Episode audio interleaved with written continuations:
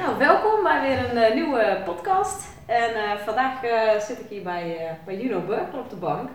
En ja, Juno, welkom in, in uitzending. En ja, super bedankt dat je in de uitzending wilt zijn. Ik vind het heel Ja. bijzonder. Ja, en jij bedankt dat je helemaal vanuit Ossie hier naartoe gereden. ja, Het stormende Noordwijk. ja, inderdaad. Ja. Ja, kan jij vertellen wat jij, ja, wie je bent en wat je doet? Ehm, nou, mijn, mijn werk en mijn leven gaat eigenlijk over eh, bewustzijn en compassie. Eh, dat is iets wat eh, van jongs af aan al een grote rol speelt in, ja, in hoe ik dingen ervaar. Ehm, eigenlijk als jong kind weet je, merkte ik al op dat ik gewoon heel erg sensitief was voor dingen, maar ik heb echt in mijn leven moeten zoeken naar een manier om daarmee om te gaan. En uiteindelijk, na heel veel zoeken, ben ik erop uitgekomen dat dat samenkomen van die twee dingen, dus het bewust ervaren, zo bewust Mhm. mogelijk, wat je dan ook kunt ervaren, en vervolgens eh, datgene wat je ervaart helemaal laten zijn. Dat is wat ik dan met compassie bedoel, hè. dus dat je het echt ziet zoals het is, zonder dat hele verhaal omheen. Eh, dat dat dus helpt om aan de ene kant ja, je sensitiviteit optimaal te benutten. En ehm, mijn ervaring is dat het dan ook helemaal niet meer zo erg is dat je veel voelt. Omdat je het dan voelt, maar het ook gelijk kwijt bent. En die combinatie van die twee dingen die zorgt daarvoor. Dus als dat samenkomt, dat je bewust ervaren en omarmen, of compassie, ehm, dan voel je, of dan registreer je wel heel erg wat er gebeurt, maar je bent het ook gelijk kwijt. Ja, het blijft niet plakken zoals je zo mooi zei. Ja, en ik denk dat dat een hele fijne combi is. Hè? Want jij, eh, nou ja, jij, jij werkt veel met mensen met, eh, die hoogsensitief zijn, of je spreekt daarvoor, of eh, nou, deze podcast ook. En ik zie ook heel veel mensen die daarmee worstelen, zeg maar, bijvoorbeeld in mijn workshops of in mijn praktijk. Mhm. En ehm, ik herken dat ook, omdat weet je, als je zoveel voelt, of zoveel ziet of weet, of nou, maakt niet uit, of allemaal tegelijk. Allemaal maar tegelijk, kan ook ja, nog. precies. Eh, dan is dat een onwijze uitdaging om daar zo mee om te gaan. Dat je, ehm, ja, dat je dat eigenlijk gaat zien als een kracht. Weet je wel? In plaats van, en dat, dat zie ik Ja, vaak bij- zwakte wat vaak... eh, Nou, eigenlijk soms ook echt een diagnose. Dat mensen eh, zichzelf labelen of diagnosticeren als HSP. mhm. Ehm, maar dat wordt eigenlijk, net als met iedere andere diagnose, soms ook echt een ziektebeeld. Dat mensen daar echt aan lijden, zeg maar. En, Ja. Ja, eh, is heel vaak uitput en helemaal extreem Ja. moe, want dat is vaak wat voorkomt. Hè? dat, of zichzelf helemaal isoleren, omdat ze gewoon uit contact gaan met mensen of plekken of situaties. Weet je, omdat het is gewoon too much. Dus de prikkels niet meer aan kunnen. Het is gewoon te veel. Ja. En ik bedoel, het is ook echt een uitdagende tijd, want er zijn ook heel veel prikkels, absoluut.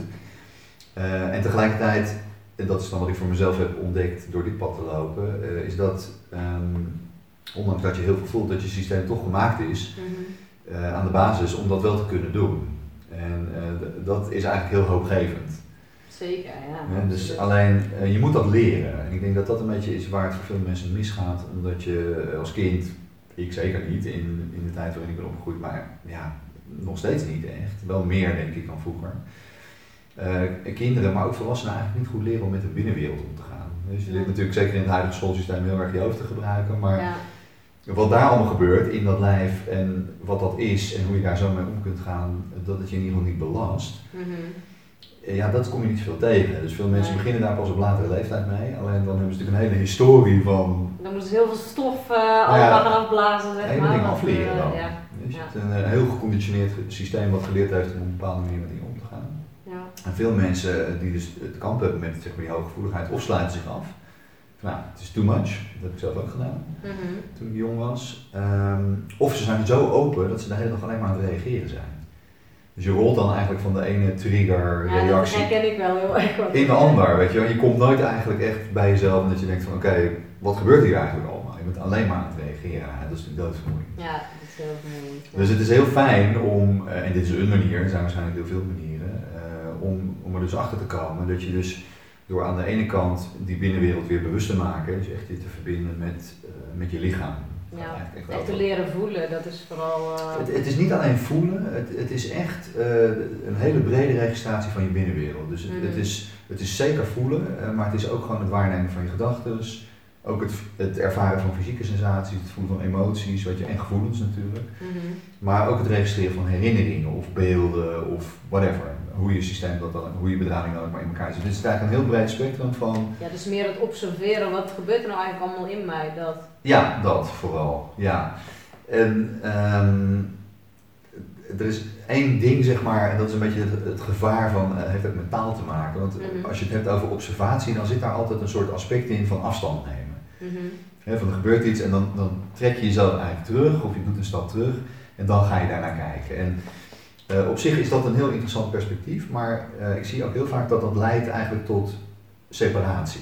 Van mhm. oké, dat is daar en ik ben hier, eigenlijk wil ik dat niet. Hè? En door dan het standpunt van uh, de observator aan te nemen, creëer je eigenlijk een afstand. En waar dit over gaat, waar ik het over heb, dat gaat eigenlijk juist veel meer over daar naartoe bewegen. Mhm. Dus als je bijvoorbeeld, ik noem maar, het is gewoon een voorbeeld hoor, stel je, je ervaart verdriet. Mhm. Dus om dan niet die afstand te nemen en denken, oh oké, ik ben hier en daar is dat verdriet, maar eigenlijk om dat verdriet helemaal binnen te laten echt helemaal te voelen. En dat is nog steeds verdriet en niet opeens een fijn gevoel. Nee, nee. Alleen met het verschil dat als je het dan op dat moment ervaart, dat je doorhebt van oké, dit is gewoon wat er nu gebeurt. Er wordt verdriet gevoeld.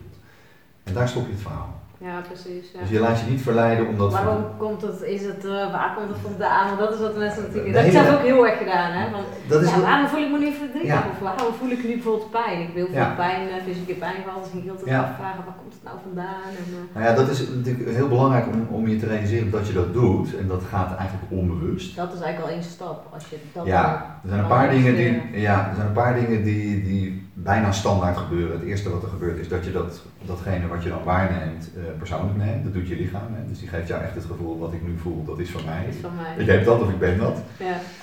En dat heeft ook een functie, want hè, dat is natuurlijk de manier om, om een, nou ja, een persoonlijk verhaal te hebben, te leven. Als we dat allemaal niet zouden doen, dan is er ook geen drama. Als iedereen knetterverlicht, is er ook niks aan. Nee, nee, we hebben geen uitdagingen meer. Hè? Precies, dus dat is één ding. Maar het is wel interessant om je te realiseren dat je lichaam dat doet. Mm dus dat er eigenlijk bijna standaard een mechanisme is in je lichaam dat gewoon jou nou ja, wijs maakt van als jij verdriet voelt, dus dat je dan direct de vertaalslag maakt van, oh, ik ben verdrietig. Maar dat zijn twee hele verschillende dingen. Dus mm. verdriet voelen en verdrietig zijn is echt heel iets anders. En dan vervolgens krijg je dan, ehm, wat jij net zei, dat, dat, ik noem dat dan de zoeker, maar je zou ook de mind kunnen noemen, dat maakt dan niet zo uit. Mhm. Die dan eigenlijk bovenop dat gevoel duikt en dan wil uit gaan zoeken wat het is, van wie is het en waarom. wanneer is het begonnen, wat betekent het, weet je hoe moet ik er maar omgaan dat het allemaal niet meer gebeurt. En, en de belofte die daarin zit, is dat als je weet wat het is, mhm. of als je denkt te weten wat het is, dat je dan iets kan doen, een fix, om het of kwijt te raken omdat je het heel relaxed vindt, of om het vast te houden als je het heel fijn vindt. Mhm. En die drie dingen, dus dat je je ervaringswereld persoonlijk neemt, dat je die wil begrijpen en die wil oplossen, dat is eigenlijk hetgene waar je last van hebt. Dat creëert spanning. Klopt, ja. Dus het gekke is dat je in dit voorbeeld wat ik net noemde geen last hebt van het feit dat je verdriet voelt, maar dat je dus hoe je daarmee omgaat, volledig automatisch bijna en onbewust, dat je rondom dat gevoel van verdriet heel veel spanning creëert. En dat is wat je in je lichaam eigenlijk ervaart als stress. Ja. Dus dat is een soort oneigenlijke spanning die je zelf opbouwt. Ehm, maar dat is een enorme belasting voor je systeem. Ja, zeker. Daar zitten heel veel mensen in. En vooral als je ook gevoelig bent, dan krijg je dus nog meer die prikkels van buiten. Je hebt geen filter ook niet, ja. hè? dus dat komt nog heftiger binnen. Ja. En dan ga je ook nog afvragen van, ja. op een gegeven moment als je bewust wordt van, is dit nou voor mij, dus van die andere. Ik weet nog uit jouw workshop, ja. dat ik vandaag ook gepost op Facebook, ik, dat is wel heel erg bijgebleven uit jouw workshop, van het maakt helemaal niet uit of het van jou is of van mij is. Het wordt gevoeld. Precies. En voel ja. maar gewoon. Ga er maar gewoon in. Ga dat maar door. Ja, maar. dat is het. Dat vond ik wel echt... Uh, dat is heel bevrijdend. Ik is er steeds bijgebleven. Ja. Ik dacht, oh ja, dat maakt ook helemaal niet uit of het van jou is of van mij is. We, we voelen het hier ergens en ik voel het nu. Of ervaar het nu, dus ja. Dat is het. En uiteindelijk als je goed kijkt is het van niemand. Nee. En dat is... is ja, weet je, emoties of gedachten of gevoelens of whatever. Het zijn allemaal dingen die eigenlijk in, nou ja, zou ik kunnen zeggen, in de cosmic soup gewoon rond mhm. zweven en door allerlei situaties en gebeurtenissen eh, in je bewustzijn komen. En dat is denk ik ook natuurlijk hoe wij als mens hè, dat via ons lichaam ervaren. Ja. Alleen wat wij dus daar doen, wij pakken dat zeg maar. En wij, wij maken dat eigen. Dat is eigenlijk wat je zou kunnen zeggen. En daardoor worden we het ook, daardoor wordt het ook van ons. Maar in eerste instantie is het van niemand. Mhm. En als je kijkt naar de interactie uh, tussen twee mensen, uh, dan is het bijna onmogelijk om uit te zoeken wat nou van wie is. Ja. Want wat er in de praktijk gebeurt, is omdat je allemaal zeg maar, onbewuste schaduwstukken hebt die je met elkaar communiceert, is dat als jij iemand ontmoet en die is boos, dan pik je die boosheid op van die persoon. Maar het is heel waarschijnlijk dat er in jouw systeem ook, een reactie is op die boosheid. En dat komt samen. Dus, ja, want anders zou het niet resoneren, hè, toch? Dat, is het nou, nee, het zou, het zou niet resoneren. Je zou het wel voelen. Mhm. Maar de vraag is dus, als het bij jou binnenkomt, hè, want eigenlijk die persoon die zendt dat uit, het is gewoon een energetische transmissie, frequenties, energie, informatie. Mm Bijna natuurkunde zou je kunnen zeggen. Ja. Dat komt in jouw lichaam binnen. En dan is dus de grote vraag van hoe gaat jouw systeem daarmee om? Merk je dat op, allereerst al? En daarvoor moet je toch in je lijf leven, zeg maar. Precies, dat is ja. een plek waar niet heel veel mensen zijn. Mij zitten meestal. Nou ja, meeste mensen zijn met hun aandacht of in het verleden of in de toekomst. Ja, Dus ze worden eigenlijk de hele tijd getriggerd en eh, zijn dan als het ware niet thuis, zou je kunnen zeggen. Ja. Maar om te registreren dat er iets verandert in je waarneming, moet je echt in je lijf leven. Je moet dus echt hier zijn. Mhm. En als je dat dus waarneemt, dan is het dus de vraag in welke mate jouw systeem datgene wat je oppikt van die ander veroordeelt of ontkent of nou ja, eh, daar bang voor is, wat dan ook. Weet je? En die, die twee dingen komen samen, dus de, de informatie die je oppikt en jouw geconditioneerde reactie daarop. En die geconditioneerde reactie is over het algemeen onbewust. En dus ergens heeft je systeem geleerd om zo daarmee om te gaan, maar je weet dat niet. Dus dat komt samen en dat is die hele mix die je op dat moment voelt. Alleen in dat moment waarop je het ervaart, is het bijna onmogelijk om te zeggen van nou, 33% van wat ik nu voel, dat is van jou. Ja. En de rest is van mij. Ja. Dat is niet te doen, nee, weet je wel. Nee, En- je kan het niet meten inderdaad. Je kan het niet meten en ehm, het heeft ook niet zoveel zin, omdat in jouw reactie zeg maar, daarop, die uit je onderbewuste komt, je weet niet eens dat je zo reageert. Dus je ervaart wel de symptomen, Ja. maar je weet niet waarom jouw systeem dat doet. En als je dat... Mits je jezelf heel goed kent? Of, of zeg je van nou, Nou, ook niet echt. eh, Ik, ja, weet je, kijk, als je kijkt naar eh, conditionering, dus waarom mensen eigenlijk zijn wie ze zijn Ja, en doen wat ze doen. en doen wat ze doen, mhm. Dat is ongelooflijk complex. Dat heeft met zoveel dingen te maken. Dat heeft natuurlijk te maken met wat je hebt meegemaakt in dit leven, hoe je bent opgevoed, opgegroeid, je wel vorige levens wat nog meegekomen. vorige levens, je familielijnen, je vertelde net over familieopstellingen, je genen. Eh, er zijn er recent achter gekomen dat er in je genen minstens 14 generaties informatie Ja, opgeslagen. maar kijk ja. Weet je, dus die, die hele complexe mix van wat je in dit leven allemaal meegemaakt aan opvoeding, je genetische informatie, familielijn, andere levenservaringen, dat, dat komt allemaal bij elkaar en dat is onderdeel van wie je nu bent. Dus stel in dat voorbeeld wat ik net noemde, weet je, er er staat iemand voor je en die is heel boos. En jij hebt bijvoorbeeld vanuit jouw familielijn een historie van boosheid, generaties lang. Mhm. Dan zal dat ervoor zorgen dat jij op die boosheid best heftig reageert, want dat zit gewoon ergens in je systeem. Ja. Alleen dat weet jij helemaal niet. Dus jij merkt van, wow, oké, als iemand boos op mij wordt, dan verkramp ik helemaal. Maar dat dat van tien generaties terug uit jouw familielijn komt, Mhm. omdat jouw over, over, overgrote opa oma is boos was en dat nooit opgelost, ik noem maar iets. ja, precies. Weet je, dat, dat is bijna niet te overzien. Plus dat die informatie energetisch wordt op een gegeven moment ook genetisch en wordt manifest. Dus al die dingen, die, die aspecten waarom En, je en bent- zeg je daarmee, dan zit het dan in je cellen, zeg maar? Letterlijk. Ja, Ja, letterlijk. letterlijk. Ja. Dus dan ben jij dat op dat moment. Daarom reageer je zo. En daarom creëer je die situaties ook. Ja, ja, die trek je aan daardoor. Nou, ik denk, ja, ik denk niet eens dat je het aantrekt, ik denk letterlijk dat je het echt creëert. Dus hoe ik naar mijn eigen leven kijk en, en ook naar het leven van andere mensen, is dat de werkelijkheid zeg maar om je heen, Mhm. dus met wie je omgaat, waar je werkt, wat je doet, eh, waar, in welke situatie je bevindt, is een directe creatie van wie jij nu bent. Ja. Alleen, het grootste deel van die scheppende kracht is onbewust. Vijf- meer dan 95% is onbewust. Dus als je daar op die manier over nadenkt, dan creëer je dus een realiteit voor jezelf, maar niet bewust. Dus je kijkt daarnaar, maar je hebt niet zoiets van, oh dit doe ik, Nee, dit ben ik. nee. Dus je kijkt daarnaar en je hebt echt zoiets van, hoe kan het nou dat ik steeds al die verdrietige mensen tegenkom? Of al die boze mensen. Of al die boze mensen. Ja, Of waarom zit je steeds in dezelfde relatie? Waarom Ja. maak je steeds een bos voor mijn hel? Weet ik veel wat. Mhm. En als je dus niet je realiseert dat jij de schepper bent van die werkelijkheid en dat het leven je via al die situaties eigenlijk herinnert aan van joh, je moet wat op te lossen daar. Ja, je rugzak is nog vol. Nou ja, precies. Ja. Eh, dan sta je dus eigenlijk op een hele ontkrachte plek, want je kijkt daarnaar en je, je ziet niet van, oh, ik ben de schepper hiervan. Ja, dan zit je ook nog heel erg in het slachtoffer. Slachtoffer, dingen overkomen je, en Ja. dat is een hele ontkrachte positie. Ja, dus daar voelen mensen zich heel erg zwak eigenlijk. Ja. Wat ik mezelf heb aangeleerd en wat ik ook mensen eh, zeg maar, eh, aanraad om te doen, is om als je in dat soort situaties zit, om jezelf dus de vraag te stellen van oké, wat is het in mij, als een soort geïnteresseerde onderzoeker, wat deze werkelijkheid creëert. En dan niet vanuit schuld, van oh eerst was het iemand anders de schuld en nu, oh nou doe ik het allemaal zelf dat- fout. Ja, Dat ging- ja. Ja, maar vanuit bewustzijn van oh, er moet dus iets zijn in mijn energetische constitutie, wat dit steeds letterlijk creëert. Mhm. En dat is confronterend, want als je in niet zulke leuke situatie zit, dan denk je, oh shit, ik doe dit zelf. Ja, ja. Dat is niet echt relaxed. En, maar tegelijkertijd zet het je op een krachtplek. Hè? Dus waar je eerst het gevoel had van, oh, poor me, dingen overkomen mij, sta je nu opeens op de plek van, oh, ik ben dus een schepper van mijn eigen werkelijkheid. ja, dus ik kan het ook veranderen. En als je dan realiseert, dus ook als je het verandert, dan creëer je die werkelijkheid ook niet meer voor jezelf. Nee, dat dus dat is eigenlijk het pad naar binnen, het onderzoek van eigenlijk de, de reis afdalen naar, in het Ja, ik zie ook letterlijk iemand zo van een trapje naar beneden, zo inderdaad van, nou, laten we eens even Ja. kijken wat hier allemaal... eh, Maar 95% Ja. onbewust, betekent dus dat een mega groot deel van, ja, van wie jij bent, is gewoon nog niet gezien, erkend, in het licht gezet, Mhm. omarmd, al die dingen. Dus daar is mega veel te ontdekken. En dat is eigenlijk ook allemaal het schaduwwerk, want dat zit in het donker en dat ga je maar. naar boven Alleen maar. halen. Ja, Maar het moeilijke is natuurlijk, ehm, als, je, als je helemaal alleen bent, om, dat, om die schaduw op te zoeken. Want het zit niet voor niks in de schaduw. Dus voor Mhm. jouzelf is het al huh, eng, spannend, dat je denkt, oh, daar wil ik niet naartoe. Voor een goede reden, want het is onveilig voor jouzelf. Mhm. En daarom zijn relaties zo te gek. Ja, ja dus een, een romantische relatie of een relatie met je familie of je baas of je collega's of Ja. je schoonmoeder of whatever. Omdat je via relaties, en dat is hetzelfde principe van creatie. Als jij een schoonmoeder from hell hebt, dat is geen toeval.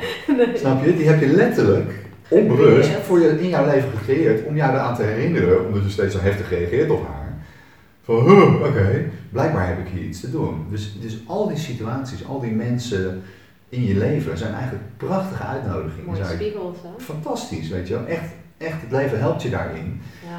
Om dus te denken van, oké, interesting, dat deze personen in mijn leven op blijven duiken en dat ik daar zo op blijf reageren. Ja. En als je dan zeg maar dat op die manier kan zien en dus uit dat hele stuk van polarisatie kunt blijven, hè, van oh jij dit en jij dat en Ja, ik voel me zo je uit het drama trekt eigenlijk, zeg maar. En juist ernaar gaat kijken, wat gebeurt hier nou eigenlijk? Eigenlijk, Dat- eigenlijk is het in eerste instantie een enorme dankjewel naar die persoon van oké, jij laat mij echt iets zien over mijzelf. ja, En dan begint de reis naar binnen toe. Om dus feitelijk datgene wat die ander voor jou vertegenwoordigt, wat het dan is. om dat binnen te laten en te onderzoeken, maar deze keer bewust, hoe jouw systeem daar dus op reageert. Ja, En dan is het opeens een heel ander verhaal. En dat kan heftig zijn en pijnlijk en beschamend en ja, alles. Maar op het moment dat je het bewust maakt en je kunt jezelf leren en trainen om datgene wat je ervaart helemaal te ervaren, maar ook te zien voor wat het is, Mhm. dan komt het dus vanuit de schaduw komt het in het licht en dan verliest het zijn power over jou. Klopt, ja. Weet je, dat is wel eigenlijk wat met familieopstelling ook gebeurt. Het feit dat het gewoon zichtbaar is, is feitelijk al de helft van de heling. Dat is in clearing ook. Het feit dat je het bewust maakt Mhm. en niet langer investeert in, in oordeel of in angst of iemand de schuld geven, maar gewoon, oké, dit is dus hoe mijn systeem geleerd heeft, for whatever reason, Daarmee om te gaan. om daarmee om te gaan. En dat voel ik nu en dat zie ik nu, maar ik laat dat zijn, ik omarm dat. Ik zie het gewoon voor wat het is, maar ik ga niet opnieuw dat persoonlijk maken en in dat verhaal. Dan is er energetisch een punt eh, waarin die twee dingen samenkomen, waarbij die spanning die dus in je systeem zit, die verzacht dan, die ontlaat. Mhm. En dan is het opeens heel anders. Ja, Dus als je dat structureel doet en je uiteindelijk steeds dat patroon omarmt en doorziet, verliest het zijn lading. Maar krijgt het ook niet de kans om steeds op dezelfde manier die spanning weer op te bouwen. ja, ja, dat is inderdaad wel interessant. Ja, ik, ik ben even ook aan het denken, want er zijn bij mij ook allerlei dingen ik denk van ja, oké, dat is ook een proces wat steeds dieper gaat, want dat merk ik bij mezelf ook Er inderdaad. ik elke keer weer iemand tegen die wel hetzelfde triggert, alleen eh, merk ik ook inderdaad dat ik daar niet meer heftig op reageer. Of heel even en dan denk Ja. ik, hé, wat Ja. Interessant, wat gebeurt hier? Weet je, feitelijk als je... zegt, dankjewel, weet je, is mijn pad. Want heel veel mensen snappen dat niet. Ze zeggen, ja, maar hoezo ga je dat dan aan? Dan geef je die persoon een kans. Ja. Ik zeg, maar die persoon laat mij iets zien. Dat is het. Als je er zo in zit, is, Ja. het, is het heel anders. Ja. En als je het echt helemaal Maar heel veel mensen begrijpen dat niet. Want dan, Nee, omdat, omdat natuurlijk, ehm, ik denk voor, voor veel mensen het nog steeds zo is van, weet je, binnen je comfortzone voel je een soort oké. En als je dan iemand tegenkomt die jou een rotgevoel geeft, ja, dan, weet je, dan Ja. is gewoon je eerste en logische reactie, dat komt door jou. Want ik voelde me net prima en nu voel ik me rot. Dus ja, dat is mijn oplossing, komt door jou. Maar gewoon het hele besef van, ah, oké, jij bent iemand met jouw verhaal en jouw rugzak, jij communiceert van alles. Maar ik reageer daar dus blijkbaar op. En dat zorgt ervoor dat ik er last van heb. En dat ik het irritant vind en dat ik Ja. er nog met dagen mee bezig ben. Dat heeft echt niks te maken met die andere persoon. Dat is Nee. gewoon jouw systeem dat zo reageert. ja. Maar Ja. omdat je dat niet weet, als je niet weet dat je dat doet, dan komt het ook gewoon niet in je op om te denken van, hmm, volgens mij heb ik hier een aandeel in. Ja. ja, want dan is het, er zijn er meestal twee dingen. Je gaat dan of weg bij die persoon en denk ja, ik wil niks meer met jou Ja. te maken, dus je gaat terugtrekken. Ja, Of je gaat het aan en je zit continu in drama, mits, of je gaat Ja. het aan en je gaat kijken elke keer van, hé, wat gebeurt hier nou in dit drama stuk en wat kan ik dan, dan van leren?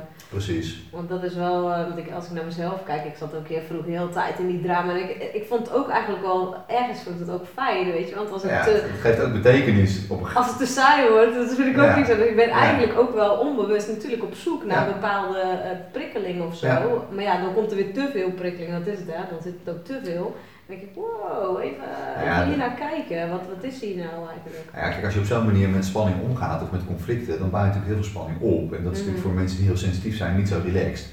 Omdat die spanning die je opbouwt, die blijft in je systeem zitten. En daar Mhm. moet je zenuwstelsel heel hard mee werken. Terwijl als HSP-persoon, wat je eigenlijk wil, is een zenuwstelsel dat leeg is. Ja, Omdat je er dan voor zorgt dat die, dat die spanning of die prikkels die je oppikt, wel gevoeld worden, maar gelijk doorgaan. Maar als dat zenuwstelsel een soort achterstand heeft, komt. helemaal vol zit, en, Ja. en bijvoorbeeld doordat je niet goed slaapt of dat je gewoon niet kan ontspannen, Mhm. dat je dus nooit eigenlijk die spanning uit het systeem Ja, krijgt. dat is eigenlijk nooit ontlaat. Nooit ontlaat, dan, dan Ja. zit je dus gewoon continu Ja. zit je vol, maximum bereikt. En Ja. dan heeft je systeem gewoon totaal geen ruimte om welke prikkel dan ook maar is te echt een overload en elke Ja. prik die je Ja. dan krijgt is gelijk, wow, Too much, ja. En dat wordt natuurlijk alleen maar meer. Hè? Dus je bouwt alleen maar meer spanning op en op een gegeven moment Mhm. kan je gewoon helemaal niks meer verdragen. Nee, nee, dat heb ik ook heel erg gehad, Ja. zeg maar. Ja. Weet je, dan schakelt het systeem eruit, of je krijgt een burn-out, of Ja. je wordt ziek, of je krijgt een ongeluk. Klopt. Grijp er eigenlijk, Fysiek. eh, ja, eigenlijk grijpt het leven dan in. Die zegt van oké, jij gaat zelf niet relaxen, dan klaar zorg ik ervoor dat jij gewoon even drie weken in bed gaat liggen. Ja. Zo gaat het dan. Ja. En dat is echt een, een noodrem, weet je wel, om, om je systeem de kans te geven om te ontladen. Want al die spanning in je systeem houden is toxisch. ja, klopt. Je lijf wil dat niet, maar je, maar je moet dus een manier vinden om, om het bewust te maken wat er gebeurt allemaal. En die interactie is natuurlijk heel intens. Hè? Dus met andere mensen op plekken waar je komt, constellaties, situaties waar je in zit. Dus mega veel informatie waar je op een dag Zeker. mee te dealen hebt. Maar als je gewoon goed uitrust en eh, eigenlijk gewoon je basics gewoon goed in orde zijn, goed eten, goed slapen, weet je wel. En je hebt, en je staat 's ochtends op en je systeem is weer leeg en je hebt zoiets van oké, ik ben uitgerust, ik kan weer. Mhm. Dan van nature kan je systeem heel veel hebben. Maar je moet, je moet dat goed uitbalanceren. Dus je moet heel goed eigenlijk luisteren naar je lijf, ook wanneer het genoeg is. Ja, precies. En dat is zeker voor mensen met hoge gevoeligheid heel belangrijk om dus echt goed aan te voelen van oké, nu heeft mijn systeem gewoon rust nodig. Weet je, als je dan een powernapje doet, dan ben je er gewoon weer. Ja, precies. Ja.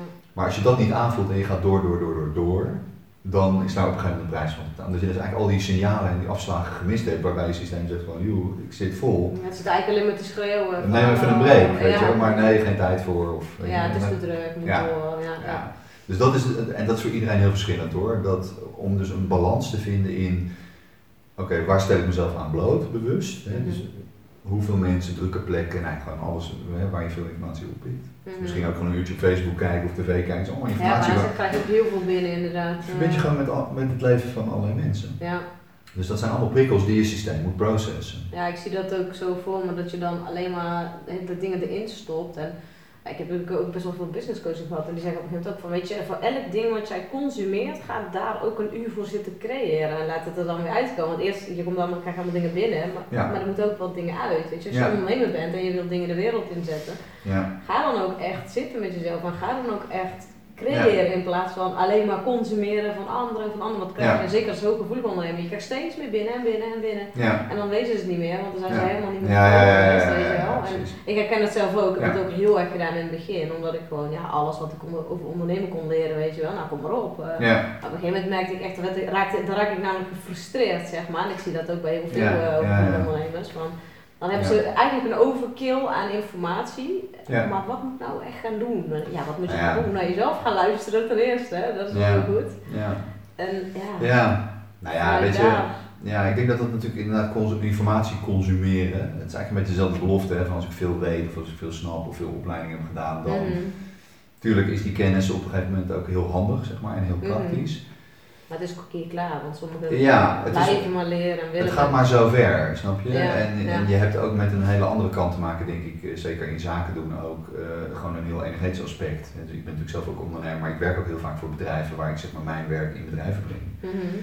Eh, en dan zie je ook dat zeg maar, eh, energiewerken in bedrijven natuurlijk ook een, een, een, een laag is waar je heel veel kan doen. Dus je kan natuurlijk met ondernemen, met kennis, met informatie natuurlijk heel veel doen, maar dat is natuurlijk ook weet je, het onzichtbare. En Kan je daar iets over vertellen? Wat je dan bijvoorbeeld in zo'n bedrijf, eh, wat, wat kun je dan bijvoorbeeld doen met, eh, met energiewerk? nou, je kunt, eh, je kunt natuurlijk kijken naar de energie van het pand, dat is één ding. Mhm. En ehm, ja, dat hangt natuurlijk helemaal vanaf waar mensen zitten. Dus bijvoorbeeld veel bedrijven zitten op industrieterreinen naast spoorbanen met de gsm-masten op het dak. Weet je, nou, zo'n kantooromgeving is natuurlijk, iedereen heeft een laptop, dus volop printers, wifi, telefoons. Dus het is echt een soort Overkill prikkels. mega pressure cooker zeg maar, van mensen. Maar ook van heel veel heftige technologische informatie. Dus dat is een uitdagende omgeving, zeg maar. Waar heel veel, zeg maar, een beetje een soort elektrisch gevoel is, van, van mhm. al die, die informatie die daar is. Maar waar je natuurlijk ook mee te maken hebt in bedrijven is dat, ehm, en dat verandert denk ik wel een beetje, maar op een bepaalde manier is er een soort gekke schizofrenie tussen wie mensen thuis zijn en op hun werk. Mhm. dus mensen gaan naar hun werk en zijn bijvoorbeeld de manager, ik noem maar iets, en thuis hebben ze helemaal niks te vertellen. Maar ze trekken ochtends een, bak, een pak aan en terwijl zijn En de energie verandert, ja. De energie verandert, maar al dat, dat drama, wat ze niet opgelost hebben in zichzelf, komt natuurlijk wel mee. Dus je kan een pak aantrekken en denken, nou ik doe nu gewoon net alsof ik dat allemaal niet ben. Mhm. Maar energetisch ben je dat wel. Je, je kan dat niet... Nee, uitzetten. Je kan het niet uitzetten. heb je gewoon nog steeds bij, of je dat pak nou aan hebt of niet. Precies, ja. precies. Maar dan heb je dus een, weet ik veel, een bedrijf of een werkvloer met een paar honderd mensen die dat allemaal doen. Dus ondanks dat ze allemaal zakelijk zogenaamd met elkaar het communiceren zijn, zijn ze ook met elkaar aan het communiceren van, oh ik ben eigenlijk onwijs depressief. Ja. Dus weet je, als je op die laag kijkt, dan is er een mega complexe energieuitwisseling, zeg maar, in zo'n ruimte. Waar ook mensen uh, aan de ene kant hulp zoeken bij elkaar, energetisch. Van, oh, ik, ik, zit vol, ik kan eigenlijk niet, kan je mij helpen? Niet dat ze dat vragen, maar energetisch is dat zo. Maar tegelijkertijd mensen elkaar voortdurend afwijzen van, joh, mijn rugzak zit vol, ga weg, ik kan jou niet helpen, ik heb geen ruimte voor jou. Ja.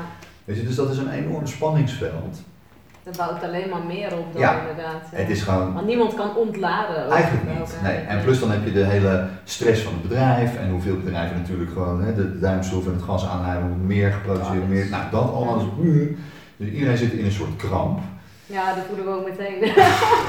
Weet je, en, wat, en daarom heb je natuurlijk zoveel burn-outs, omdat mensen branden letterlijk op. Er is gewoon geen moment om te ontspannen en eigenlijk is het heel dom om dat zo te doen, omdat ja uh, onderliggend aan dat principe, um, er is iets anders, ik noem dat de onderstroom, of de chi, of de flow, weet je, dat maakt eigenlijk niet, helemaal niet uit uh, hoe je dat noemt.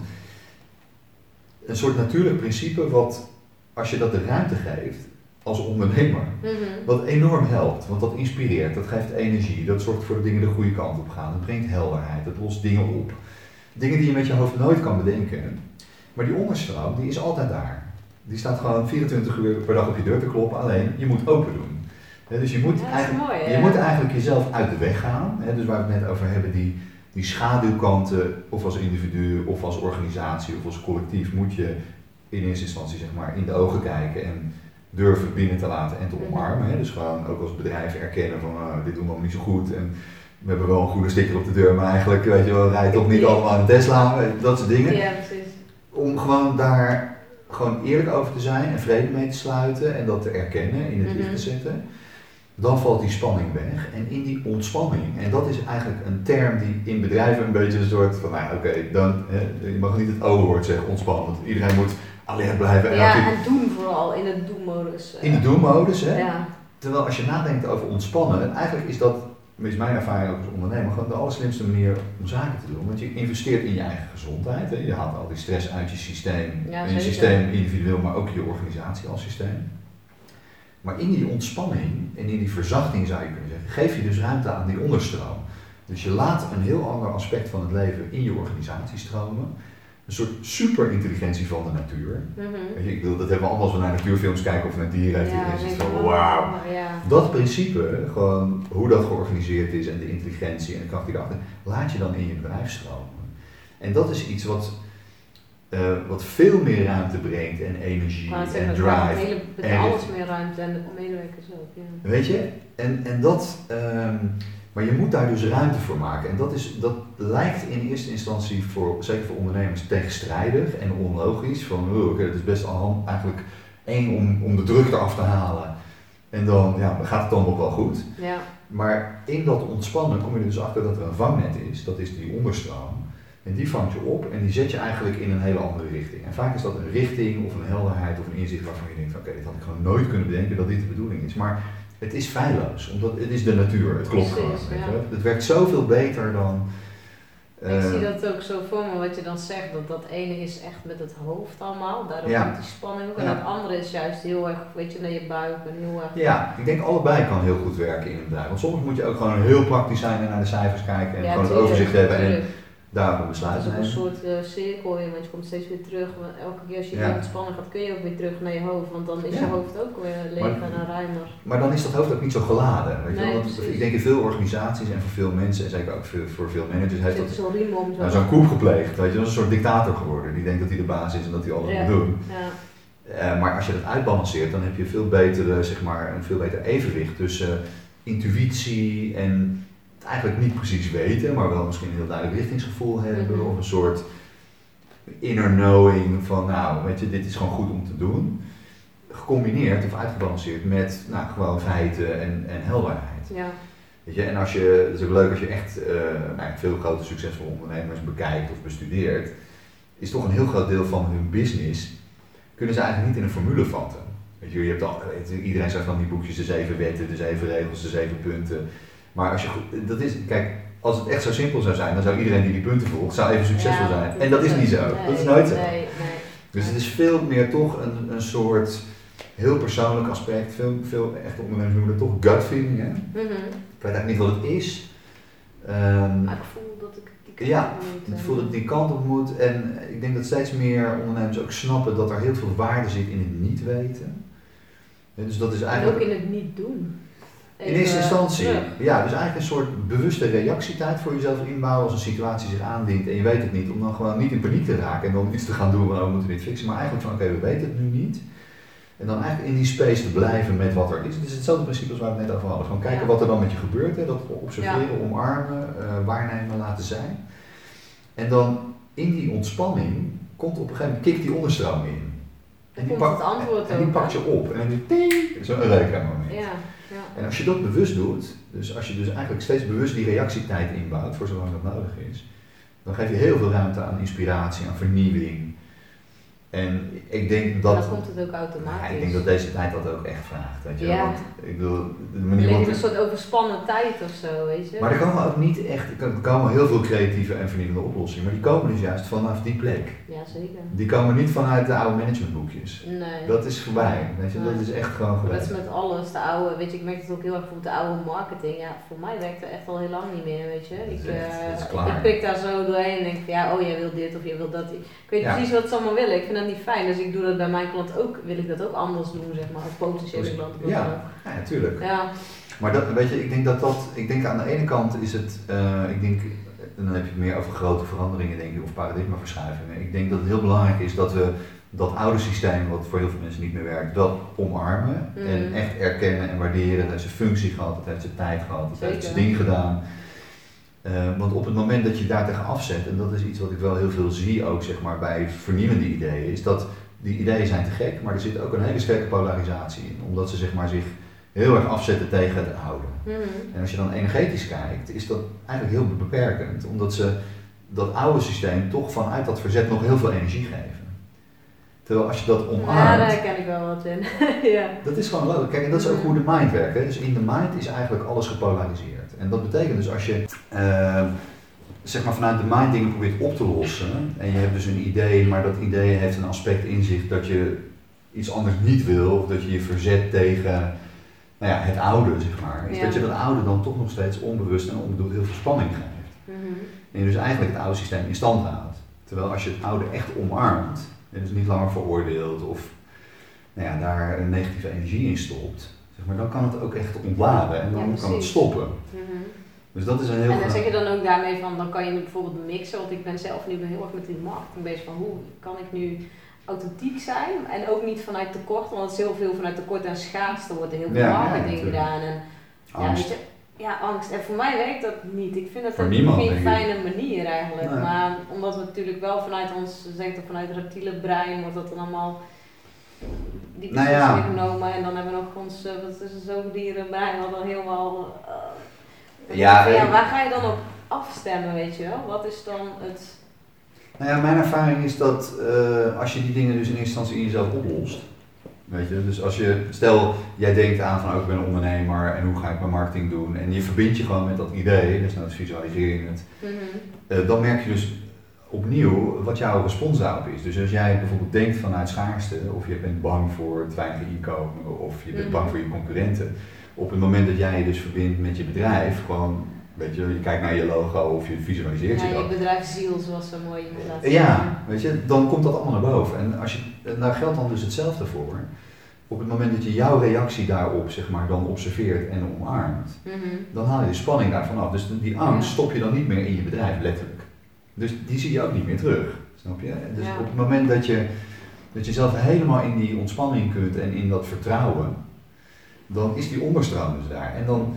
Dienen dingen zich gewoon aan. Dus dan hoef je niet bang te zijn voor je marketing of dat er weinig, te weinig klanten komen. Omdat je dan werkt met een heel ander principe.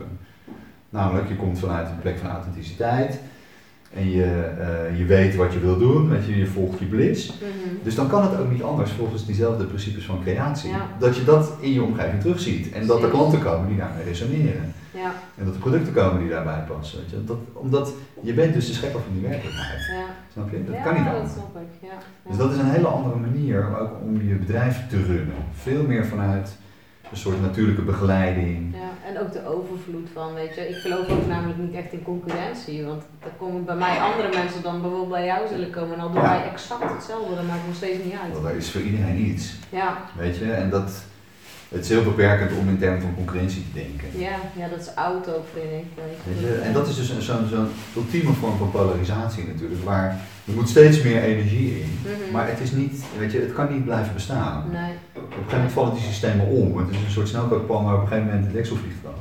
ja precies. Dan gaat het niet meer, weet je wel. Ja. Dan is het gewoon, het is of niet meer te innoveren, of het is niet meer te betalen, of het gaat ten koste van mensen, weet je wel. Dat Ja. is, en het is, weet je, dat is echt, echt menselijk. Want als je gewoon kijkt naar andere natuurlijke systemen, die zullen dat nooit zo doen. Nee. Omdat, die zullen nooit hun eigen habitat vernietigen. Omdat ze dan weten, van ja, weet je, als we zo bezig zijn, dan kunnen we straks niet meer leven hier. Maar het is echt een mensending om gewoon, Ja. Nou ja, elkaar en de hele planeet eh, naar de knop te helpen, zeg maar. Ja, Allemaal vanuit die trip van meer, meer, meer, meer, meer. Maar ja, op een gegeven moment, hoe dan? Weet je, hoe dan verder? ja, ja, dat is zeker waar inderdaad. Ja. En ik denk, weet je, ik denk dat dat ehm, deze tijd echt een beetje van ons vraagt om dat, eh, om dat oude verhaal van afgescheiden zijn, om dat te stoppen.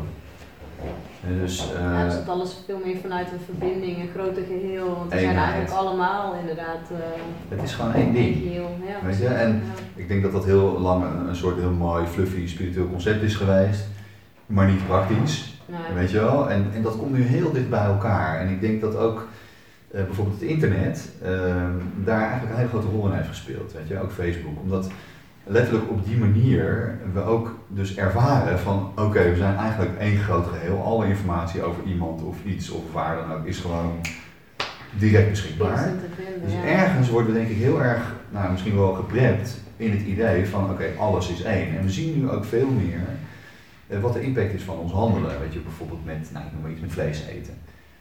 Weet je, omdat je gewoon nu die hele cyclus ziet en op een gegeven moment ziet van ja, als ik naar de slager ga en ik koop een biefstukje, dan is dat gewoon direct een opdracht om een dier te doden. Terwijl, ja, weet je, Ja, we worden steeds bewuster van inderdaad. Wat er gebeurt voordat je... Ja, normaal je kocht je misschien vlees en, en at je dat en denk je niet over na. En nu wordt het ook wel heel erg overal natuurlijk breed uitgemeten in de media en wat gebeurt. ja, En maar je gaat zelf ook veel meer onderzoeken natuurlijk. Precies. eh, Maar ik denk dat, dat, dat je dus, omdat je al die verbanden ziet, hè, dus dat je, jij doet iets, maar je ziet eigenlijk dat, nou, de butterfly effect noemen ze dat. Hè? Mm. Dus dat gewoon de het rimpel-effect zeg maar eigenlijk van jouw handelen in het grote geheel. mhm. Daar worden we door al die informatie die er nu is, doordat alles connected is en alles direct beschikbaar, Mhm. word je daar heel erg bewust van. En ik denk dat dat heel erg bijdraagt aan, aan het herinneren van, van zeg maar het eenheidsdenken.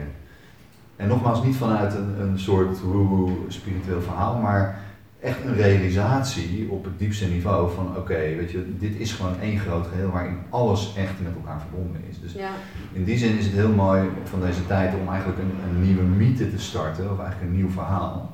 En daarin te investeren voor jezelf. Dus niet langer in van, oh jij bent daar, ben hier, we zijn concurrenten, maar meer van nee, van wat kunnen we voor elkaar doen of hoe echt kan- vanuit de eenheid. Ja, Ja. precies. Ja. Hoe je dingen echt samen in beweging kan zetten ook wel. Want dat, dat is Ja. wat ik ja, zelf ook wel heel erg eh, van ben. Ik vind dat ook heel fijn. Ik werk ook heel veel samen met Ja. allerlei verschillende ondernemers Ja. die inderdaad ook gewoon op een andere manier al wel kijken, zeg maar. Ja. Er zijn ook heel veel ondernemers die op, een- op de oude manier ondernemen, wat helemaal prima is. Maar voor mij werkt dat niet. En voor, Nee. voor de mensen die ik nu om me heen heb gecreëerd, die hebben precies hetzelfde. Die lopen tegen dezelfde dingen aan. Dus nu zijn we eigenlijk met z'n allen aan het kijken van hé, wat kunnen we nou samen doen en hoe kunnen we nou iets creëren wat dan ja, echt afgestemd voelt en echt fijn voelt ook en gewoon float inderdaad in plaats van... Super belangrijk. Ik denk dat dat heel belangrijk is, weet je. Daar zit heel veel energie in, daar komt heel veel uit. Weet je. Er zijn echt onwijs veel goede nieuwe ideeën, zeker in de duurzame hoek, die dat ook echt, weet je wel, helemaal 360 graden bij elkaar brengen. Dus alles wat erbij betrokken is ook echt mhm. inclusief is. Ik denk dat dat heel belangrijk is, dat het in plaats van zeg maar, een gevoel van afgescheiden, dat het een soort inclusiviteitsverhaal wordt. Hè? Dus dat je alle facetten van je handelen of dat nou in je privésfeer is of uh, zakelijk gewoon meeneemt in je overwegingen. Mhm. En tegelijkertijd denk ik dat het net zo belangrijk is dat we dat oude systeem echt moeten omarmen. Echt omarmen, echt meenemen. Niet ons daarvan afkeren en in een soort verdomhoekjes stoppen, maar echt uh, daar vrede mee sluiten. En ik krijg daar ook zo'n beeld van, zo van dat, dat je eigenlijk het uh, injecteert met het nieuwe en dan wordt het steeds meer, ja. dat het meer eigenlijk een geheel wordt en weer, en dan is ja. automatisch iets nieuws. Ja, maar niet langer vanuit verzet. Ja, nee, precies. Weet je, dat, dat is het, denk ik het allerbelangrijkste, want dan los je die historie echt op, want als je dat nu niet doet mhm. en je je keert je daarvan af, dan komt het later gewoon nog een keer terug. Ja, als een boemerang zeg maar. Ja, als een boemerang. Weet je? Dus het is echt deze tijd en ik denk dat we die volwassenheid ook uh, met elkaar moeten laten zien. Weet je? Om en iets te doen wat echt nou, makes sense, dat je niet weer het oude doet. Nee. Uh, maar ook zeg maar die schaduwkanten uh, echt omarmen, integreren. En dan mhm. kan je echt verder. Dat je niet nog een anker achteraan hebt slepen. Nee, precies, want dat is inderdaad wat je dan uh, creëert. Nou, dat is wat er tot nu toe altijd gebeurd is. En daarom is er nog steeds geen wereldvrede en daarom nog steeds dictators en daarom nog steeds mensen ja. uitgebuit. Omdat die collectieve schaduw nooit omarmd is. Mm dus wij zijn uh, heel erg gericht op van, oh dat willen we niet, we gaan nu iets anders doen. Hè. We gaan onszelf helemaal weet ik veel, programmeren of NLP of visualiseren van nou, ik ga een nieuwe realiteit voor mezelf creëren. Wat het gek is, en dat werkt ook. Alleen What about the shadow? Precies, je moet het allebei doen. Je moet het allebei doen. Tegelijkertijd, ja. ja. Dus je moet aan de ene kant, tada, gave ideeën en dat ook echt doen. En tegelijkertijd moet je ook dat schaduwwerk doen, in jezelf. Ja, ja precies. Daarom zeg ik ook altijd, weet je, het is ondernemen net zo belangrijk, maar jezelf is eigenlijk nog wel belangrijker. Maar jezelf het allerbelangrijkste. Want als je dat niet doet, gaat je bedrijf ook niet groeien. Nee, zeker niet. Plus dat, weet je, dat Want idee. Dan blijf je in die schaduw hangen ja, eigenlijk. En die schaduw creëert nog steeds een werkelijkheid met schaduw erin. Die schaduwaspecten moeten worden opgelost. Ja.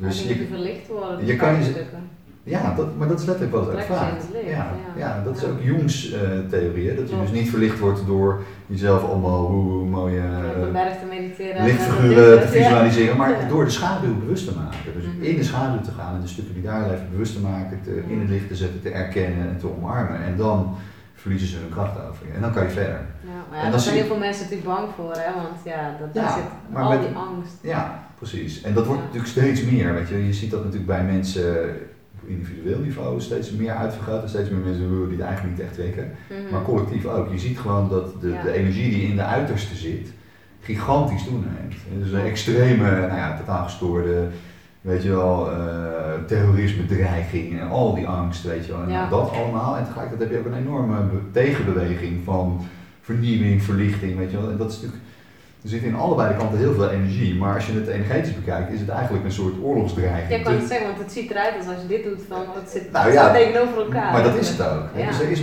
op een gekke manier is er sprake van balans, maar het is een balans tussen twee extreme uitersten op dit moment, die mhm. extreem geladen zijn. Dus als je dat niet, uh, als je die lading er niet uit laat lopen, die ballon niet leeg laat lopen, dan op een gegeven moment uh, gaat het knallen. Ja, dan gaat het knallen. Dan gaat het echt mis. Nou ja, dat is natuurlijk wat we denk ik allemaal wel een beetje voelen van, oké, okay, het is wel explosiegevaar. En dat is ook mhm. echt zo. Dus daarom is het denk ik zo belangrijk om dat schaduwwerk te doen. Dat je eigenlijk, weet je, die, die uiterste leeg laat lopen, minder, mm. minder geladen. En dan ontstaat er een ander even. Ja, en op die manier kan het in rust. Maar wat er vaak gebeurt, dat ik bij mezelf ook, uh, dat, dat is het inderdaad, er komt daar zoveel druk op te staan dat het eigenlijk uit elkaar knalt. En dan is er een soort van is er chaos, weet je wel. Maar daarna komt het wel weer in een andere vorm. Wordt het beter als je er bewust bent om er naar te gaan kijken maar en aan te gaan. Maar dat gebeurt niet voor iedereen. Dus zo'n explosie, weet je, of zo'n zo'n enorme catharsis, leidt niet automatisch tot bewustzijnsverruiming. Dus het is een soort overloopmechanisme waarbij de boel gewoon echt totaal van hand loopt. Mhm.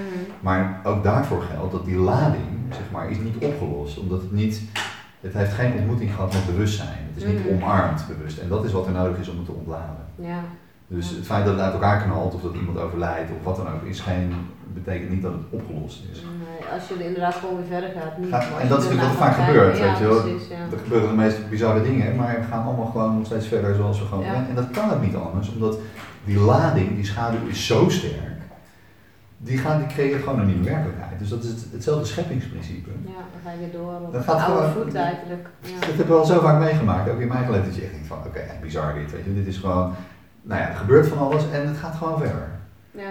Toch dat je echt denkt, hoe kan dat, weet je. Waarom, waarom worden mensen niet wakker? Waarom grijpen mensen niet in? Maar dat is die schaduw die gewoon zoveel power heeft. Ja. Die, die laat zich niet zomaar aan de kant zetten. Nee, nee, dat is inderdaad wel waar, ja. ja. Dat is een net zo grote scheppende kracht als het positieve, wat wij dan zien. Mhm. Maar dat is ook waarom mensen vaak teleurgesteld worden, weet je. Omdat mensen denken, ja, dat is ook goede ideeën, we gaan met z'n allen aan de slag. En eh, te gek, weet je, echt supergoed. Maar zolang die schaduw niet geadresseerd wordt, Ja, nou, je moet alle, allemaal, inderdaad, als je inderdaad gaat samenwerken, dan moet je allebei aan die schaduwstukken Ja. en elkaar daar ook mee helpen Ja. eh, spiegelen van, Ja. hé, weet je, dit merk ik bij jou op en, daar gewoon ook eerlijk over durven zijn. ja daar begint het. Want dat, durven heel veel mensen niet. En ja, ik ben ook Nee. wel iemand die confronteer mensen gewoon met dingen en zij ook mij. En ik vind dat dat moet ook, dat moet ook, anders kun je niet groeien. Maar het heeft heel veel met veiligheid te maken. Weet je, dus het is heel fijn als iemand jouw dingen laat zien. Alleen als dat onveilig is door bijvoorbeeld een oordeel of een afwijzing Mhm. of een ontkenning, dan, dan kunnen die schaduwstukken, die, die nee, dat kan dan niet. Hè. Dus, eh, Nee, want als ik dan mijn schaduwstuk laat zien aan jou, en ik wijs jou af, ja, dan, denk ik ook, nou, dan laat ik dat wel niet meer zien, precies. weet je wel. Dus Ja. dan ga je weer terugtrekken. Ja, en dat is wat er natuurlijk vaak gebeurt. En, en daarom is eh, met compassie, je kunt het niet faken. Dus als jij Mhm. niet echt beschikbaar bent voor iemand, als je niet echt die facetten van die persoon echt in je hart kunt sluiten en, en dat kunt laten zijn, dan creëer je niet dat veilige niveau zeg maar, wat nodig is om het in beweging te zetten. Dus daarom moet je dat werk in jezelf doen. Om dus eerst ruimte in jezelf te maken en die aspecten echt helemaal te integreren. En doordat je het zelf integreert en die spanning niet meer hebt, word je eigenlijk die ruimte, zou je kunnen zeggen, die je Mhm. voor die ander kunt zijn. Waarbij die ander merkt van, oh lekker, weet je, daar is iemand en daar kan ik gewoon met mijn dark stuff komen. En dat wordt niet veroordeeld. Precies, ja. Of het wordt ontkend. Je rent niet heel hard Nee, weg. Ja. Niet of zo, weet je wel. Want Die heeft het eigenlijk al in zichzelf gedaan. Ja. Dus in die zin is dat, dat oude gezegde van ja, als je de wereld wil veranderen, begin bij jezelf. Het is wel echt waar, ook, Ja, op, ook op energetisch niveau. Dus daar moet het werk gebeuren. Maar wat, wat leuk is en interessant ook als je kijkt eh, naar de historie zeg maar, van grote paradigmaverschuivingen. Die zijn heel vaak gebeurd door kleine groepjes mensen. Dus het is niet zo dat de hele wereldbevolking eerst Nee. zeg maar, verlicht moet zijn, bij wijze van spreken, om, om zo'n verandering eh, te kunnen veroorzaken. Dus als een, een relatief kleine groep mensen dat werk in zichzelf doet. En Precies, dan is het licht heel krachtig, waardoor Ja, dan is het heel gebundeld. schaduw Ja, dat, dat principe heet coherentie. Ja, dus dan is er een, een, een groep die zo uitgelijnd is zeg maar, in hetzelfde principe dat ze een mega invloed hebben op de werkelijkheid. Mooi. En dat is een veel kleinere groep mensen dan ons democratische idee van oh, je hebt een meerderheid nodig of de, de halve Nederlandse Mm, Dat is ook allemaal oud.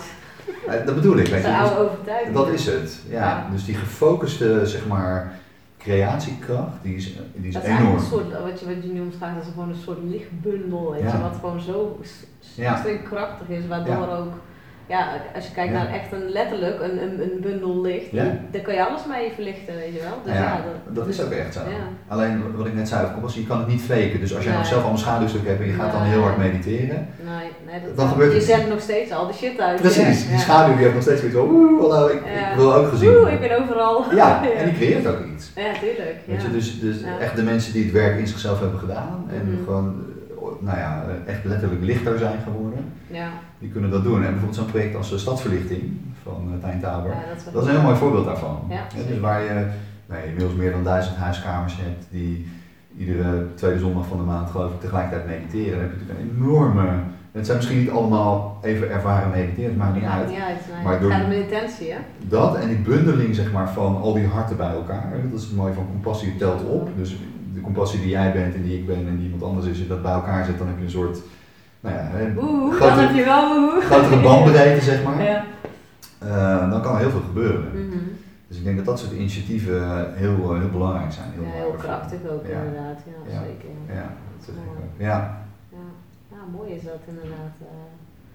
ik zit ook te kijken inderdaad van, ja, wat kan je dan, daarom is het ook zo belangrijk, die nieuwe beweging van die ondernemers die echt vanuit hun intuïtie en vanuit hun hart, Ja. zeg maar, hun business doen. ja. Eh, maar dan ook de schaduwstok inderdaad Ja. zelf aangaan. Ja. Weet je, dat, dat is een hele krachtige beweging. En Enorm. Dat, dat is iets waar ik zelf ook heel erg mee bezig ben. Want ik vind dat gewoon, ja, dat is nodig.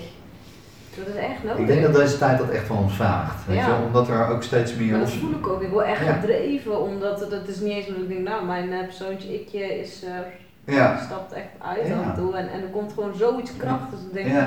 Maar ik voel ook vaak al, denk ik, oeh, dit, dit voelt heel heftig. Want dan wil, moet je iets de wereld in gaan zetten, moet, eh, tussen aanhalingstekens, dan voel ik dat. Dan denk ik, oh, maar dan moet je ook wel, al als het Ja. terugkomt, Nou ja, ook aankunnen, weet dat je wel. Je moet, je moet ook Ja. die draagkracht Maar als je die ruimte hebt, dan is dat ook geen probleem. Nee, precies. Ja. En ik denk dat, weet je, je hebt het nu over ondernemers die die beweging maken, maar ik denk dat er ook steeds meer consumenten zijn. Je zei daar net zelf wel iets over, ja, je wil als consument ook niet bedot worden met allemaal oude marketing en manipulatie. Nee, nee. Dus er zijn ook steeds meer mensen als, als consumenten die hun Mhm. antennes hebben uitstaan voor dat soort ondernemers. Ja.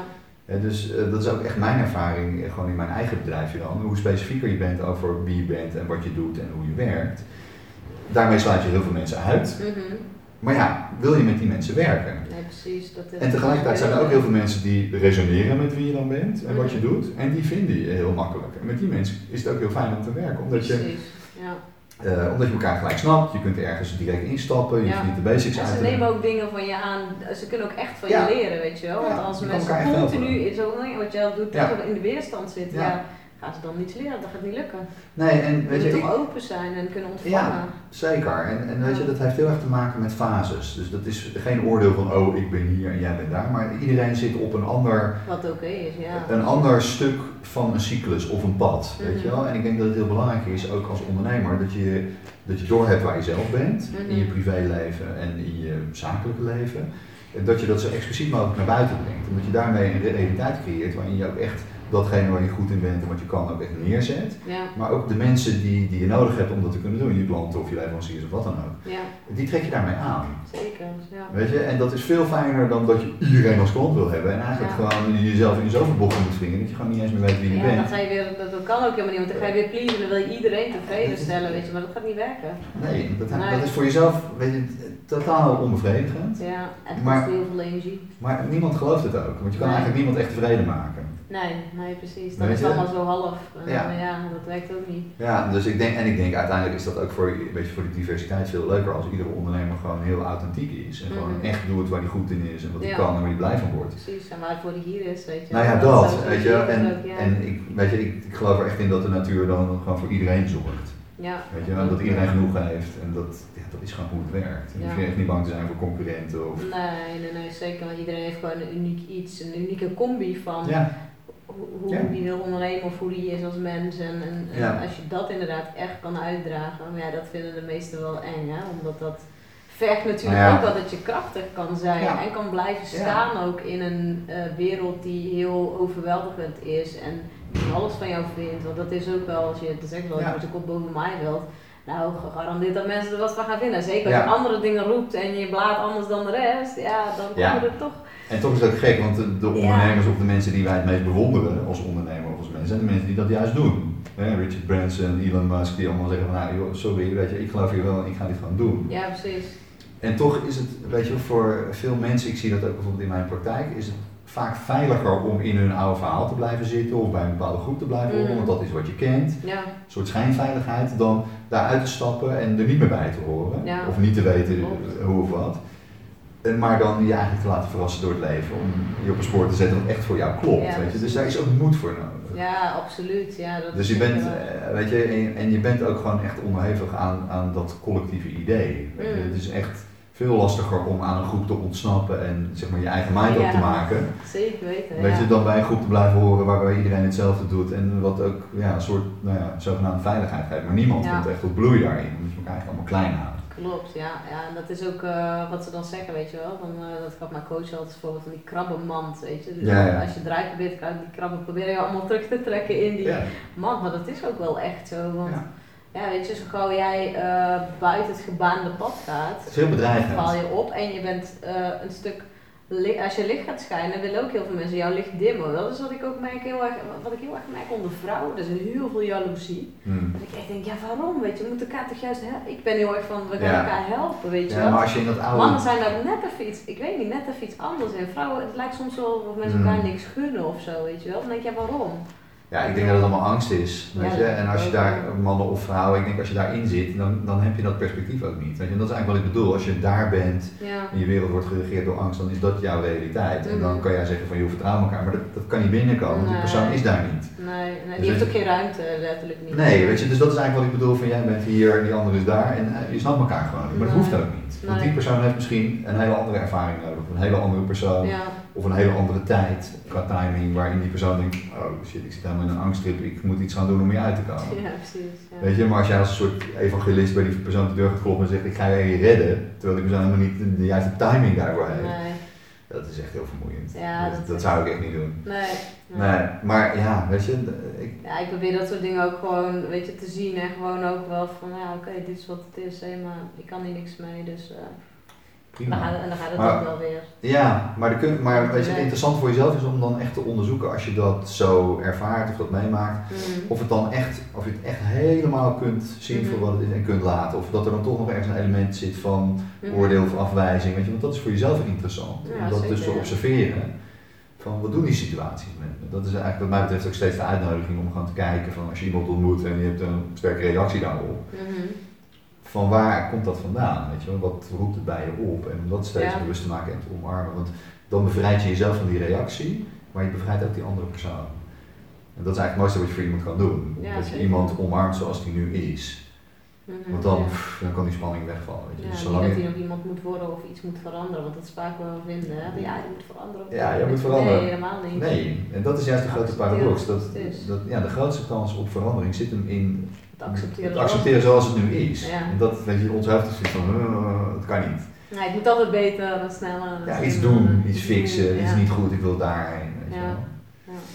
Ja. vooral dat fixen, daar zijn we Heel veel prijzen plakken de hele tijd overal. Ja, overal oplossingen, technieken, methoden, proberen alles beheersbaar te maken. Ja, eigenlijk Terwijl- onder controle letterlijk weer te houden, want dat is het, Ja. dat controleren. Dat is allemaal angst. het- Ja, ja, omdat de natuur, het is gewoon één groot chaos, maar het organiseert zichzelf wel. en dat is dat principe waar ik het over had van de onderstroom.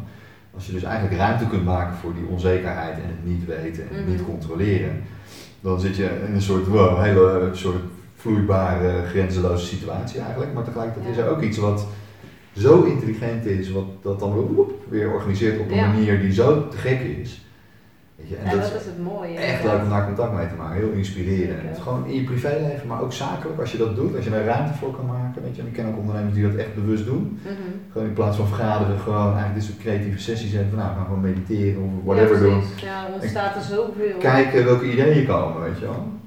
Gewoon juist echt met elkaar En dan zijn. zit je ook in eh, mogelijkheden, want dan, ja, dan is alles mogelijk. Dan komt alles. Het is Het oneindig. oneindig, ja. Het is zo te gek. Ja, en daar zit zoveel creativiteit in, zoveel leuker Ja. dan, weet je wel, same same. Ja, ik heb dat ook in het begin, toen ik, want ik ben nu twee jaar ondernemer en ehm, in het begin had ik heel erg, was ik heel erg met mijn hoofd aan het creëren en toen dacht ik, ja, creëren met je hoofd is fantastisch, maar dan ben je allemaal dingen aan het bedenken, maar opeens Ja. het continu vast. Ja. En ik was echt, eh, echt moe ervan. Ik dacht echt, jezus. En nu ben ik veel meer van, juist als ik weer heel erg voel van ik ga in die krant, dan ga ik juist gewoon even alles gewoon nog even mediteren. Ja. Ja, het is gewoon het beste wat je kan doen. Maar fuck it, denk ik, boeien. Maakt Ja. niet uit wat er vandaag Ja, gebeurt, maar- maar ik ga gewoon echt even zitten met mezelf. En juist dan zeggen mensen, ja, maar je moet toch dingen doen? Nee, dan, Maar het is gewoon super dan slim. ben je ook iets aan het doen. Want dan ben je juist aan het kijken en aan het voelen. maken, Ja, ja. van wat, wat Ja. mag hier nou eigenlijk ontstaan? Ja. Ik ga soms ook alle kanten op en dan denk ik, hé, maar nou ben ik echt vijf samenwerkingen aan het doen en zo. En ik denk, ja, maar wat is nu, wat dient nu het grotere geheel? Want dat vind ik heel erg belangrijk. Van wat is nou echt, inderdaad, waar zit die flinke stroom eigenlijk op? En niet van, oh, dan ga ik weer een stroompje die kant op en dan ga ik weer daarheen. Het is heel fijn om gewoon steeds terug te komen naar Ja. een soort basisplek en vanuit steeds dingen opnieuw te bekijken. Klopt dit nog? Voelt dit goed? Ja. Stroomt het Ja, nog? dat afstemmen. Dat Is er ergens verzet? Maar dat, moet hier gebeuren. Dus je moet ook, weet je, als slimme ondernemer, maar ook als slim persoon, is het gewoon heel belangrijk om die tijd in te lassen voor jezelf. Zeker. Niet alleen maar weet je, te Dat regelen. lost juist op wat, waar je eigenlijk tegen vecht. Ja, Want dat is het. Ja. En Het is gewoon, het is toch weer balans. Daar gaat het dan uiteindelijk om. Dus dingen doen, in beweging komen. Ja. Maar ik denk dat, het heel, dat er een heel groot verschil is tussen of je in beweging komt vanuit een soort mega stress en reactie. Mm. eh, Van, het moet nu klanten, het moet nu. Ja, dat stress, wilskracht, weet je wel. En dat komt allemaal mee in de actie, dus daar creëer je Mm. heel veel chaos mee. Of dat je, nou ja, waar we het over hebben, weet je wel, eerst tijd neemt en rust voor jezelf, dingen gewoon inneemt, processed en dan Mhm. eigenlijk wacht op die impuls die je in beweging zet. Ja, ja. En van daaruit in actie komt. En dan is de actie heel anders, omdat je dan in actie komt vanuit flow. Ja, maar dan Dus- ben je ook de juiste dingen aan het doen. Want anders zit je net je ladder tegen de muur om op te zetten en dan ben je weer wel helemaal naar boven, boven geklauwd. Dan denk je, oh, oh, oh shit, was de verkeerde Ja. eh, ladder. Of de Verkeerde muur, ja. Verkeerde muur, absoluut. weet je wel. Ja. Ja, nee, helemaal Ik heb ook zelf heel veel energie verspild en allemaal dit soort Ja. dingen. En nu Maar denken mensen van, oh ja, maar doe, je- ja, dan doe je eigenlijk niet zoveel. Maar ik zeg, ik doe juist heel veel. Ik doe heel veel innerlijk werk en dan ben ik de hele tijd terug naar binnen, terug naar binnen. Daar gebeurt het. Wat, wat, wat, wat mag het nou, wat mag er ontstaan? Dat eigenlijk. Maar het is super efficiënt, weet je, omdat je dan dus niet al die verspillingen hebt. Mhm. Weet je, je bent eigenlijk je energie in het stoppen aan, nou ja, aan, aan binnenwerk. Dat is natuurlijk al eigenlijk een heel goed idee. Ja, Om jezelf te bevrijden en daarmee ook gewoon de werkelijkheid om je heen. Maar, maar die acties die daaruit voortkomen, die zijn gewoon heel gericht en duidelijk en helder. Ja. Dus er wordt ook geen energie mee verspild. Dus Nee. in aan alle kanten zo'n goed idee om dat te doen. maar het is ook veel krachtiger, want dan wordt die, die, Ja. die letterlijke stroom en die, die straal die er dan ook uitkomt, die is dan ook veel En krachtiger. iedereen pikt dat op. Weet je, Ja. Het is super duidelijk wie je bent, wat je communiceert, wat je wilt doen. En, nou ja, weet je, de- ja, mijn ervaring is dat het alleen maar Voor je werkt. ja, magisch en moeiteloos is eigenlijk. Ja. En er ligt een soort taboe op, weet je, want dan zijn hier zo Calvinistisch, je moet hard werken. niet zo Je makkelijk. moet hard ja, werken ja, ja. en je best doen. En, eh, Ja, ja.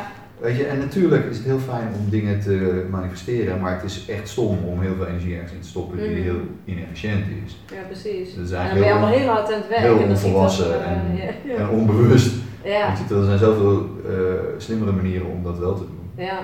ja, dat is echt. eh, En ik denk dat je iedereen daar plezier mee doet. Ja. Jezelf, je omgeving, je bedrijf, je cliënten, maar ook gewoon de natuur, de aarde, de, de mensheid. mm, Dus ja, het dient een groter geheel dan ook Ja, inderdaad. zeker. Veel meer. Ja, Ja. zeker, ja.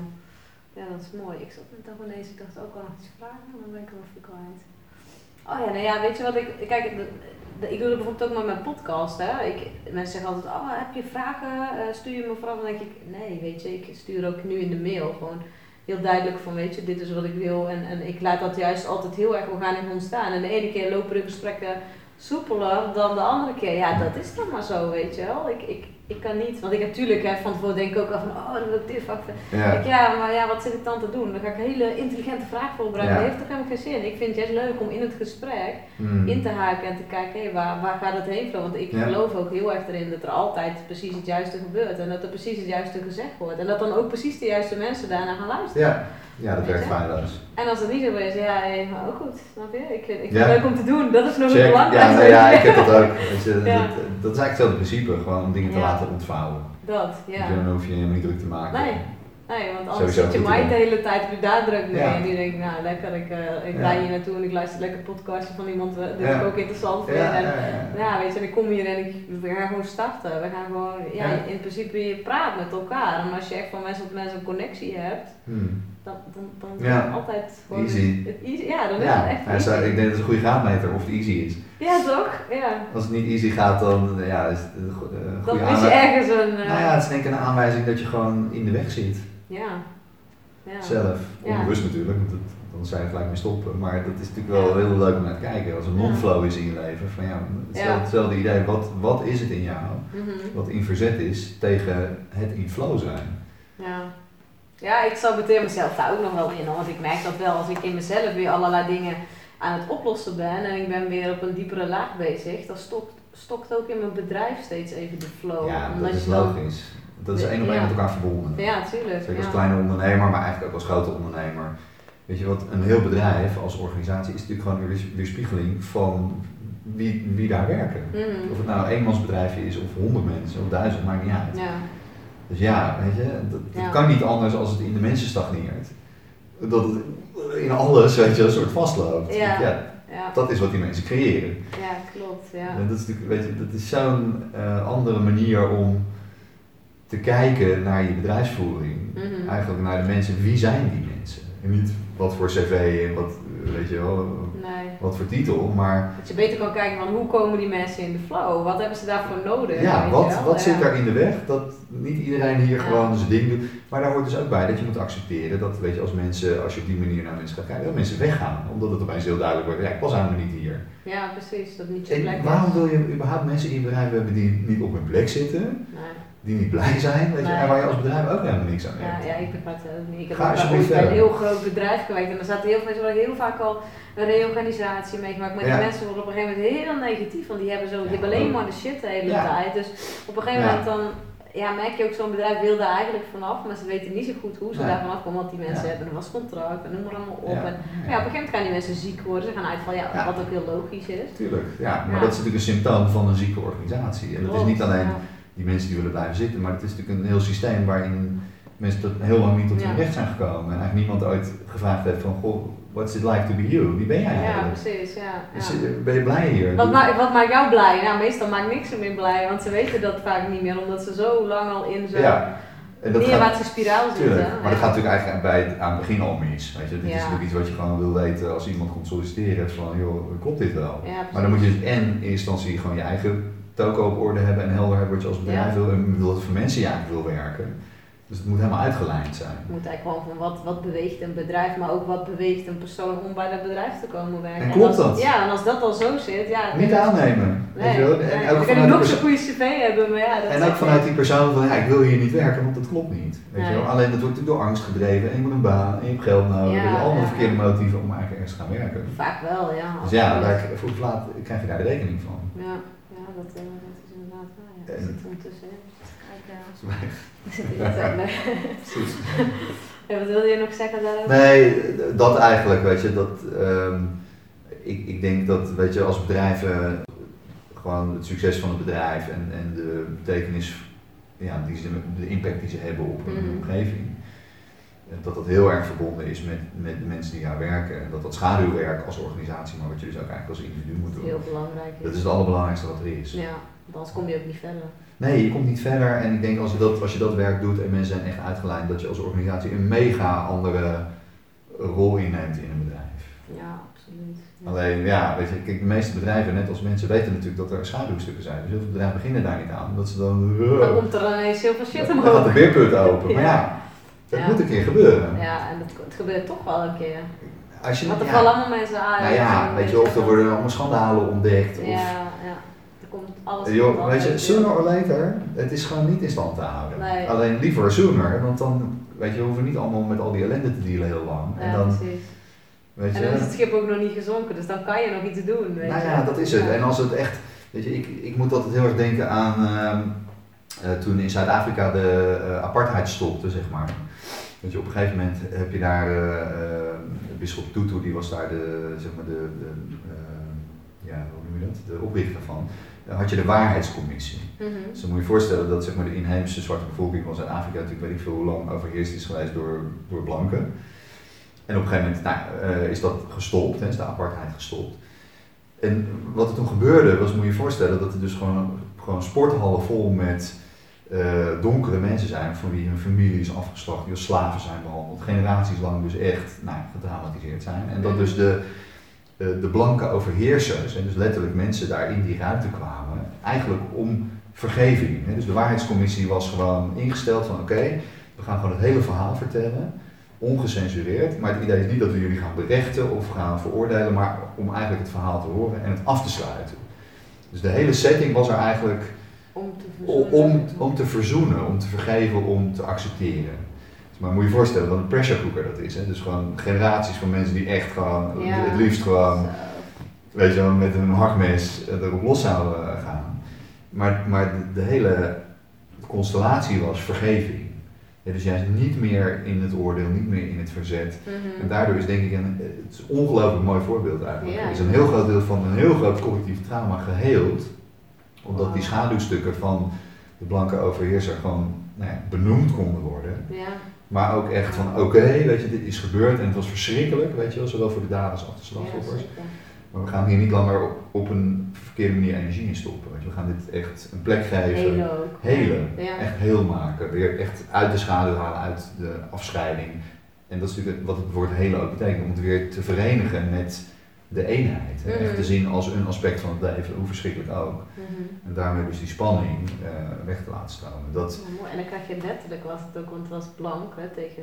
ja, dat licht en het donker. Ja, precies. ja, nee, het is heel, echt heel symbolisch. Ja, Maar, het is letterlijk eh, yin maar zo'n groots idee om dat zo te doen, weet je. Ja. Dus om niet ja, de, de slachtoffers revanche te laten nemen. En weet je, natuurlijk zit die pijn daar nog steeds voor een deel, maar ik denk dat dat heel erg heeft bijgedragen aan oké, verder gaan. Weet je wel, even de mhm. schaduwkanten erbij halen van oké, dit is gebeurd, dat was verschrikkelijk, maar we gaan ook move on. Ja, ja mooi. Ja. Ja, heel, uh, ja, ik vind het echt een inspirerend gesprek in ieder geval. Leuk, uh, leuk. Ja, en als uh, mensen jou willen vinden, you know, waar kunnen ze jou vinden? Um, mijn website eigenlijk, het is anders in junnoburger.com. Oké. Ja.